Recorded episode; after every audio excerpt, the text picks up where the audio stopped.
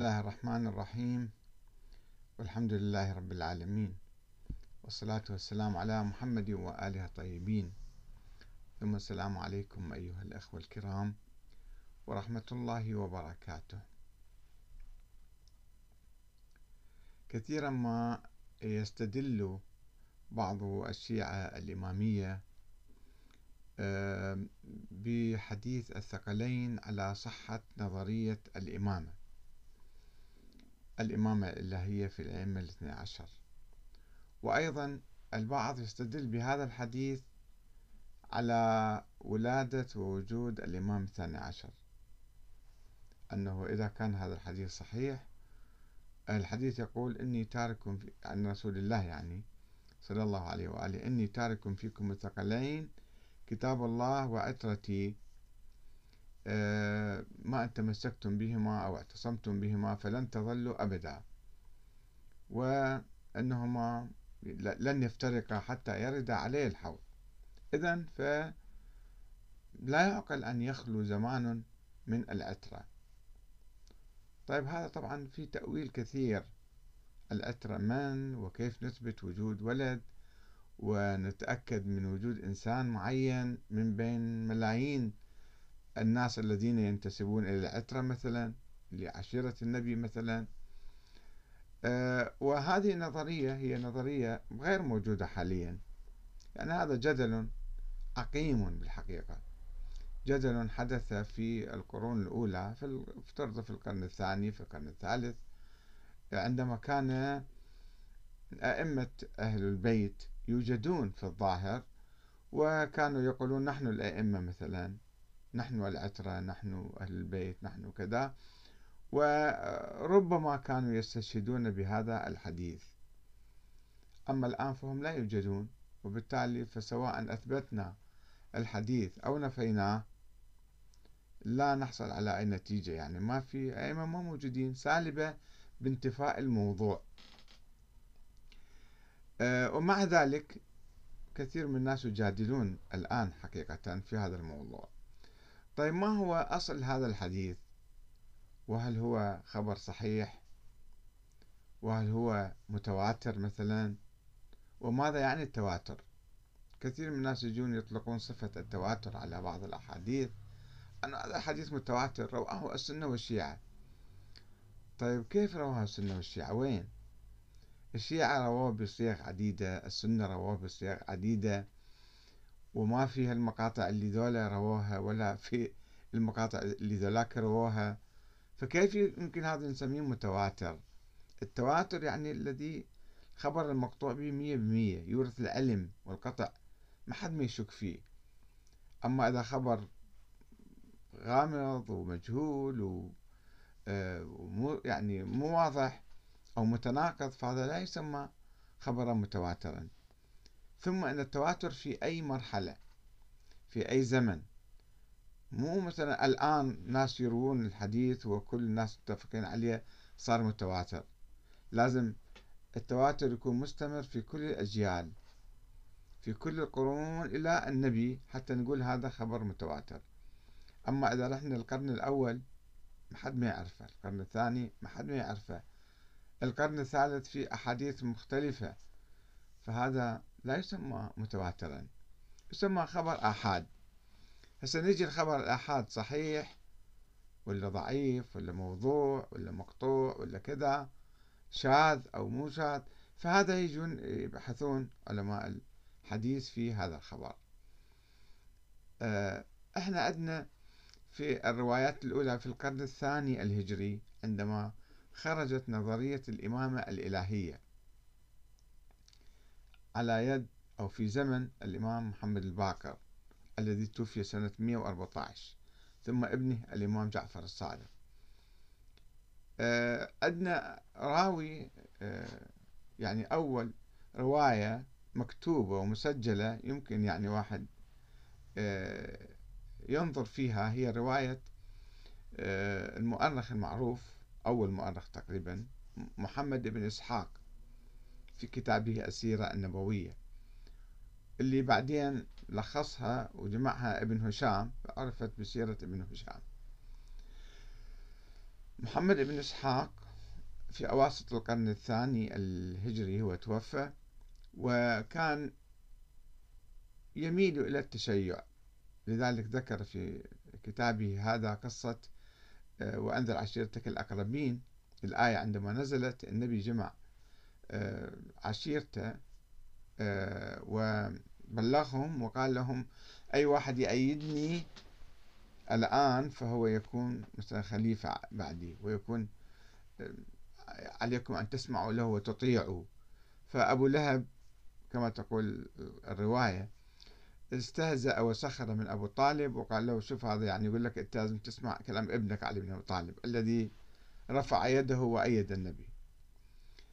آه هذه القصة يذكرها محمد بن إسحاق والبعض يقول أنه هذا لأنه كان شيعي فرأوا هذه الرواية الأسطورية لأنه فيها أنه يعني طبخ طعام شخص واحد وأطعم به أربعين واحد.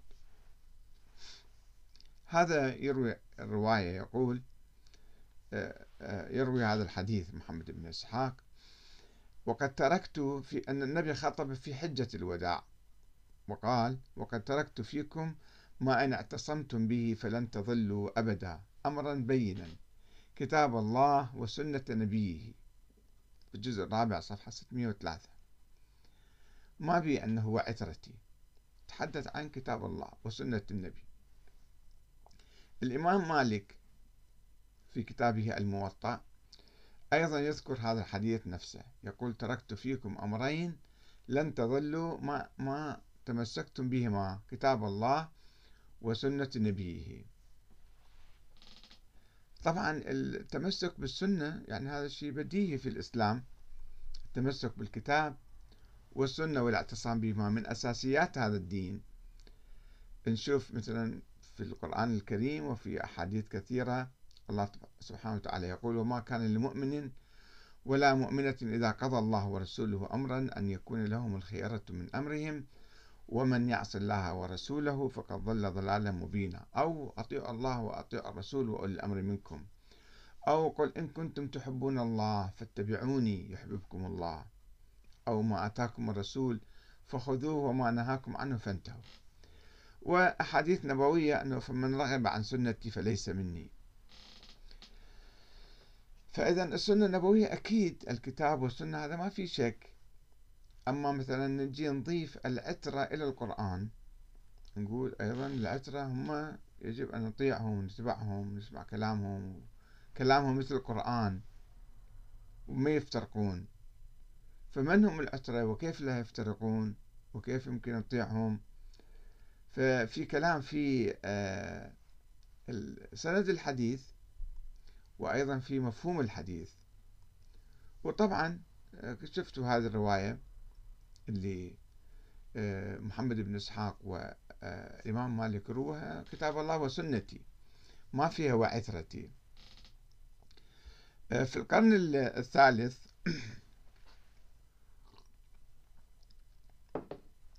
في القرن الثالث مسلم يروي رواية في فضائل باب فضائل علي بن أبي طالب. في كتاب فضائل الصحابة حديثا عن زيد بن أرقم يضع أهل البيت مكان العترة قال قام رسول الله يوما فينا خطيبا بماء يدعى خما مو بحجة الوداع في منى مثلا لا بالطريق. بين مكة والمدينة فحمد الله وأثنى عليه ووعظ وذكر ثم قال أما, أما بعد ألا أيها الناس فإنما أنا بشر يوشك أن يأتي رسول ربي فأجيب وأنا تارك فيكم ثقلين. أولهما كتاب الله فيه الهدى والنور فخذوا بكتاب الله واستمسكوا به. فحث على كتاب الله ورغب فيه. ثم قال وأهل بيتي. ما في كلام عترة. أهل بيتي. أذكركم الله في أهل بيتي. أذكركم الله في أهل بيتي. أذكركم الله في أهل بيتي. فهنا يعني الشطر الأول من الحديث تركيز على القرآن الكريم. و ويوصي الناس بأهل بيتي أهل بيتي منهم؟ نساء نساء النبي هم أهل بيته. فدي يوصيهم أنه ديروا بالكم عليهم. مدى يقولهم تمسكوا فيهم مدى يقول لهم أنتم مثلا أطيعوهم هم راح يصبحوا أئمة عليكم هم راح يصبحوا مصدر ثاني للتشريع. إلى جانب القرآن والسنة مثلا. فهنا الراوي اللي يروي الحديث فقال له حسين ومن أهل بيته يا زيد؟ أليس نساؤه من أهل بيته؟ قال نساؤه من أهل بيته ولكن أهل بيته من آه، آه، حرمت الصدقة بعده. قال ومن هم؟ قال هم آل علي وآل عقيل وآل جعفر وآل عباس. وورد الحديث. لاحظوا هنا يعني آه، أهل البيت ليسوا أجل القرآن وليسوا هم مثلا مصدر تشريعي إنما التركيز على القرآن كما في الأحاديث السابقة. طبعا آه، البخاري لم يروي هذا الحديث ما كان يثق فيه يعني. إذا مسلم رواه فرواه حول ما في كلمة أسرة في أهل البيت. أهل بيت النبي يعني نساء هو عشيرته افترض مثلا. اللي أيضا يطلق عليهم العترة. إذا أخذنا هذا المعنى آه، هم العترة يعني العشيرة. وورد الحديث في سنن الترمذي بعدين طبعا في كلمتين عترتي وأهل بيتي. أذكركم الله في عترتي في أهل بيتي. فمسألة العترة هي طرحت في القرن الثاني الهجري. أنه العترة هم أحق بالحكم آه، من القرشيين من عامة القرشيين اللي هم الأمويين مثلا. وقد استند الخليفة العباسي الأول عبد الله بن محمد بن علي السفاح المعروف بالسفاح على موضوع القرابة مع النبي الأكرم صلى الله عليه وسلم في بناء شرعيته الدستورية السياسية. عندما أعلن الخلافة العباسية في الكوفة سنة 132 كما ذكر الطبري إذا تراجعوا تشوفون يعني إن أبا العباس لما صعد المنبر حين بويع له بالخلافة قال الحمد لله وخطبة طويلة الذي خصنا برحم رسول الله وقرابته وأنشأنا من آبائه وأنبتنا وأنبتنا من شجرته واشتقنا من نبعته. وقام يجيب الآيات القرآنية اللي موجودة إنما يريد الله ليذهب عنكم رجس أهل البيت ويطهركم تطهيرا. وقل لا أسألكم عليه أجرا إلا المودة في القربى وأنذر عشيرتك الأقربين. وآيات كثيرة حول أنه إحنا قرابة النبي اللي إحنا يعني لازم نأخذ الحكم. آه هذا في تاريخ الرسل والملوك جزء 6 صفحة 82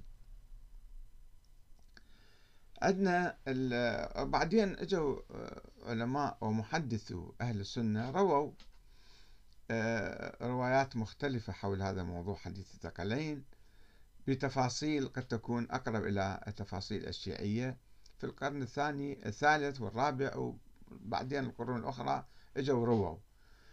آه، خلينا نجي نشوف الشيعة وين رووا هالحديث. أول من روى ذلك رواية مكتوبة يعني وصلتنا حتى الآن آه، محمد بن فروخ الصفار الذي توفي سنة 290 في كتابه بصائر الدرجات. طبعا كتاب بصائر الدرجات أيضا في كلام حوله كثير أنه في الصغير والكبير وياهو صحيح ياهو مختلق ياهو زايدي زايدين عليه ياهو منقصين من عنده. المهم هذا الكتاب الموجود حاليا. جزء ثمانية باب 17 يروي مجموعة أحاديث حول موضوع الثقلين بصيغة أخرى غير الصيغة اللي رواها محمد بن إسحاق ولا آه الإمام مالك ولا مسلم. آه يروي عن آه عن شريك عن جابر. قال قال أبو جعفر يعني الباكر دعا رسول الله أصحابه بمنى. مو بالوسط بالطريق يعني. في في خم. قال يا أيها الناس إني تارك فيكم. نفس الرواية اللي ذولاك رووها هو يرويها بشكل آخر أبو جعفر. قال أيها الناس إني تارك فيكم الثقلين ما إن تمسكتم بهما لن تضلوا. كتاب الله وعترتي أهل بيتي مو سنتي. لا صارت مكان السنة العترة. فإنهما وعترتي أهل بيتي فإنهما لن يفترقا حتى يرد علي الحوض ثم قال أيها الناس إني تارك فيكم حرمات الله كتاب الله وعترتي والكعبة البيت الحرام. ثم قال أبو جعفر أما كتاب الله فحرفوا وأما الكعبة فهدموا وأما الأترة فقتلوا وكل ودائع الله فقد تبروا يعني أهلكوها. طيب هنا الحديث يعني إحنا نشك فيه أنه وين كتاب الله فحرفوا؟ حرفوا عمليا لو حرفوا لفظيا؟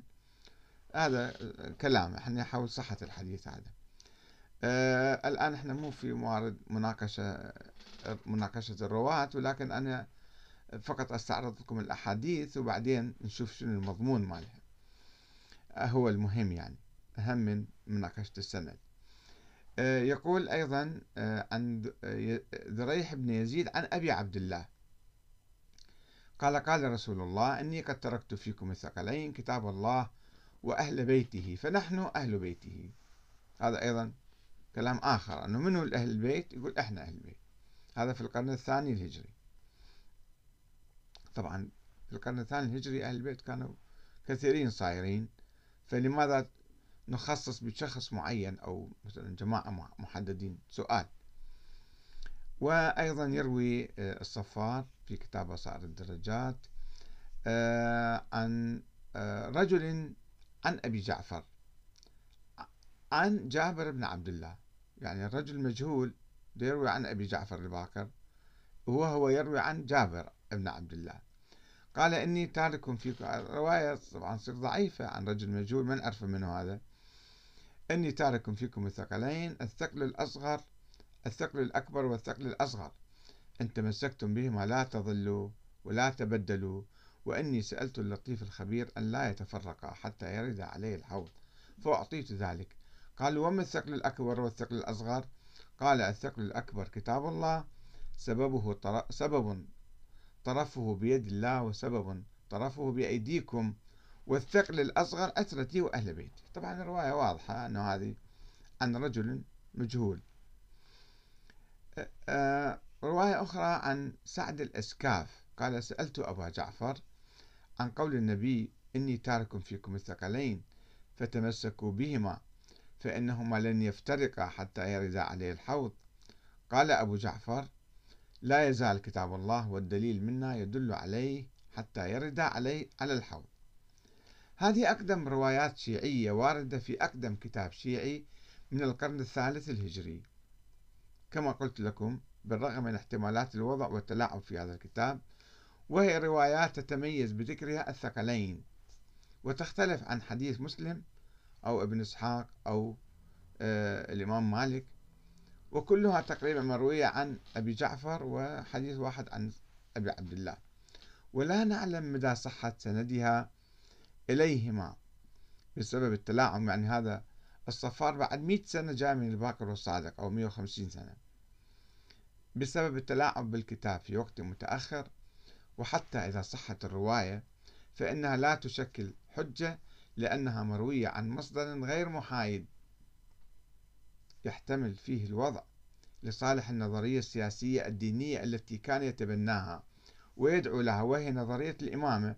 فدا يجيب أحاديث تؤيد هذه النظرية. وإحنا قبل ما نقول الإمام الباقر كان معصوم أو غير معصوم إحنا عندما نواجه هكذا رواية من أي شخص إذا كانت له مصلحة فيها وتؤدي إلى مثلا منفعة سياسية أو مادية فما نقدر ناخذ الرواية نتوقف فيها نقول أنت منين قاعد ترويها؟ إما ترويها رأسا. قال رسول الله مثلا لاحظت بعض الروايات. قال رسول الله كذا وكذا. آه الإمام الصادق حسب الروايات اللي ينقلها هو هذا الصفار. آه أنه قال أبو جعفر دعا رسول الله. ما يقول منه رواية واحدة يذكر فيها آه عن جابر بن عبد الله الأنصاري ولكن هذه الرواية اللي يرويها عن أبي جعفر شخص مجهول فما يمكن ناخذها.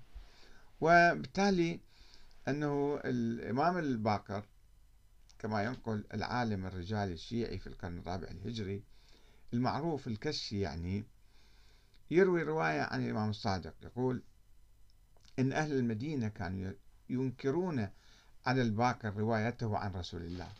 يجي يقول؟ أنا قال رسول الله قال رسول الله. يعني هذا كانوا يستغربون و... ويقولون ما رأينا هذا الإمام الصادق يقول.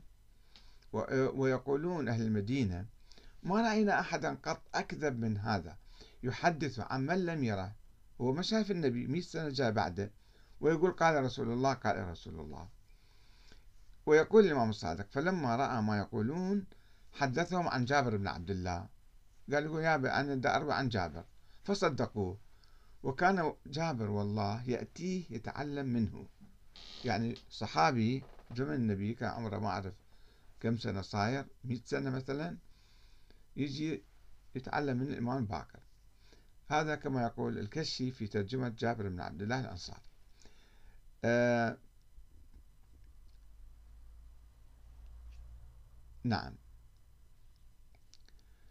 وبالتالي إحنا هذا الحديث إذا أخذنا آه، الأحاديث السنة اللي رووا هذا الحديث خلينا نشوف أنه مجموعة عندنا هنا أحد آه، علماء أهل السنة المعاصرين اللي هو آه، علوي السقاف علوي بن عبد القادر السقاف عنده دراسة حول حديث الثقلين ويقول أنه مروي في كتب الحديث بهالصيغتين كتاب الله وسنتي وكتاب الله وعترتي آه، فيجيب الناس اللي راوين هالأحاديث كلها وبالتالي آه، في فقه الحديث هذا. ويجيب المصادر اللي ذكرت الكتب ويضعف أكثرها طبعا. آه، يقول أخرجه الإمام أحمد أخرجه فلان ولكن هذا الحديث كان بالسند ماله كان ضعيف وفلان راوي كان ضعيف وبالتالي هاي الأحاديث آه، فيها نقاش وحتى لو صحت حتى لو صحت هذه الأحاديث فيجون علماء السنة آه، عبر التاريخ آه، أن يقولون طيب هم قال أهل بيتي أو مثلا أترتي آه، الأترة اللي كانوا موجودين ذيك الأيام وأهل البيت ومنهم عائشة هي من أهل البيت فأنتم أخذوا أحاديثها أو أو لا أو إجماع أهل البيت إجماع الأترة يعني هو جزء من النقل التاريخي للسنة. فهؤلاء إذا نقلوا شيئا عن النبي فيعتبر هذا يعني موثق. مو هم يصبحون مصدر من مصادر التشريع. يعني هذا هذه مسألة أخرى مسألة كبيرة. أن نقول مثلا يجي واحد بعد النبي يعتبر كلامه مثل كلام النبي مثل كلام الله بالقرآن.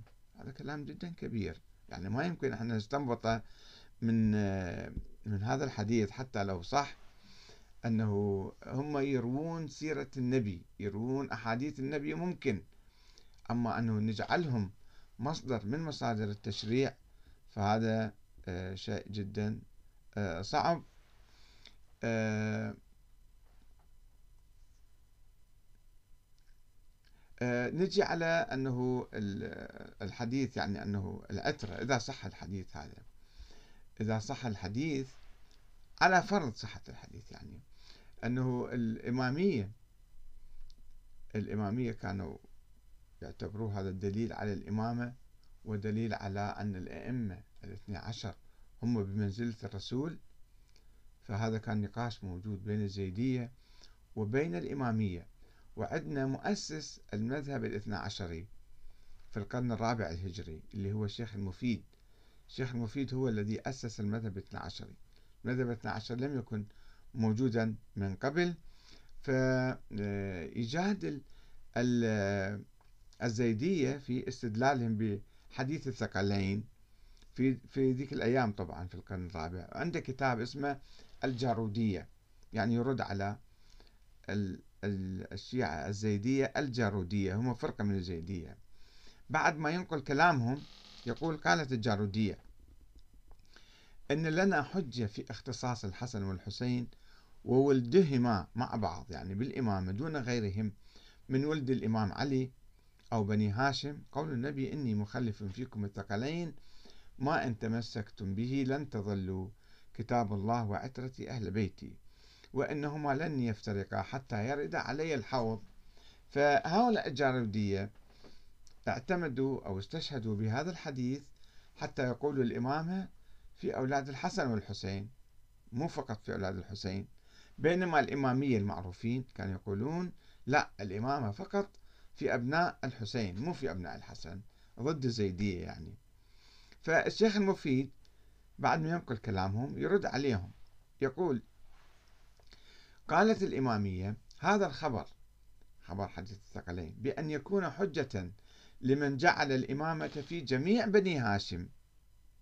أولى من أن يكون حجة لمن جعلها في ولد فاطمة. ليش أنتم إذا صح الحديث أنه آه، كتاب الله وعترتي. عترتي يعني كل بني هاشم. فليش تجعلوها في أولاد فاطمة اللي يصيرون الحسن والحسين؟ لأن جميع بني هاشم عترة النبي وأهل بيته بلا اختلاف أكيد عترة النبي. وأهل بيته. وإلا فإن اقترحتم فيها الحكم على أنه مصروف إلى ولد فاطمة. الزيدية يقول لا مو كل بني هاشم ولا كل العترة ولا كل أهل البيت إنما أبناء فاطمة بالخصوص. أنتم يعني هم تحكما يقولون يقول اقترح خصومكم من الإمامية الحكم به على أنه من ولد فاطمة في ولد الحسين بعده. وبعد أخيه الحسن فقط فلا تجدون منه فصلا ما, ما تقدرون يعني تناقشون. لو تقبلون رأينا لو أنه أنتم ما تتمكنون تحصرون الإمامة في أولاد فاطمة. فخلي تكون الإمامة في بني هاشم حتى العباسيين يعني. فلاحظوا آه، آه، الحديث حتى لو صح حتى لو صح هو لا يشكل دليلا على إمامة آه، خط معين أبناء الحسن أو أبناء الحسين أو أو أصلا معنى الإمامة وأنهم يفهمون القرآن وحدهم أو هم يفسرون القرآن وينحصر فهم القرآن وعلم القرآن وتفسير القرآن بالأئمة. هذا طبعا كلام الشيخ المفيد في كتاب الجارودية صفحة 40 فإذا هذا الحديث لا يمكن أن نعتبره متواتر ولا صحيح أصلا لأن النسخة الأولى مالته مو واضحة شنو هي. النسخة الأولى كتاب الله وكتاب الله أو كتاب الله وسنتي. فشلون اجينا أضفنا أترتي ولن يفترقا حتى يرد عليه الحوض؟ هاي كلها إضافات تتطور مع الزمن في هذا الحديث. فأصل الحديث ما في أصل أترة. أنه أني تارك فيكم الثقلين وذول مثل القرآن وهذا أصغر وهذا أكبر. هذا كله يعني أضيف عبر الزمن إلى هذا الحديث الأساسي وبنوا عليه جدلهم التاريخي حول هذا الموضوع. والسلام عليكم ورحمة الله وبركاته.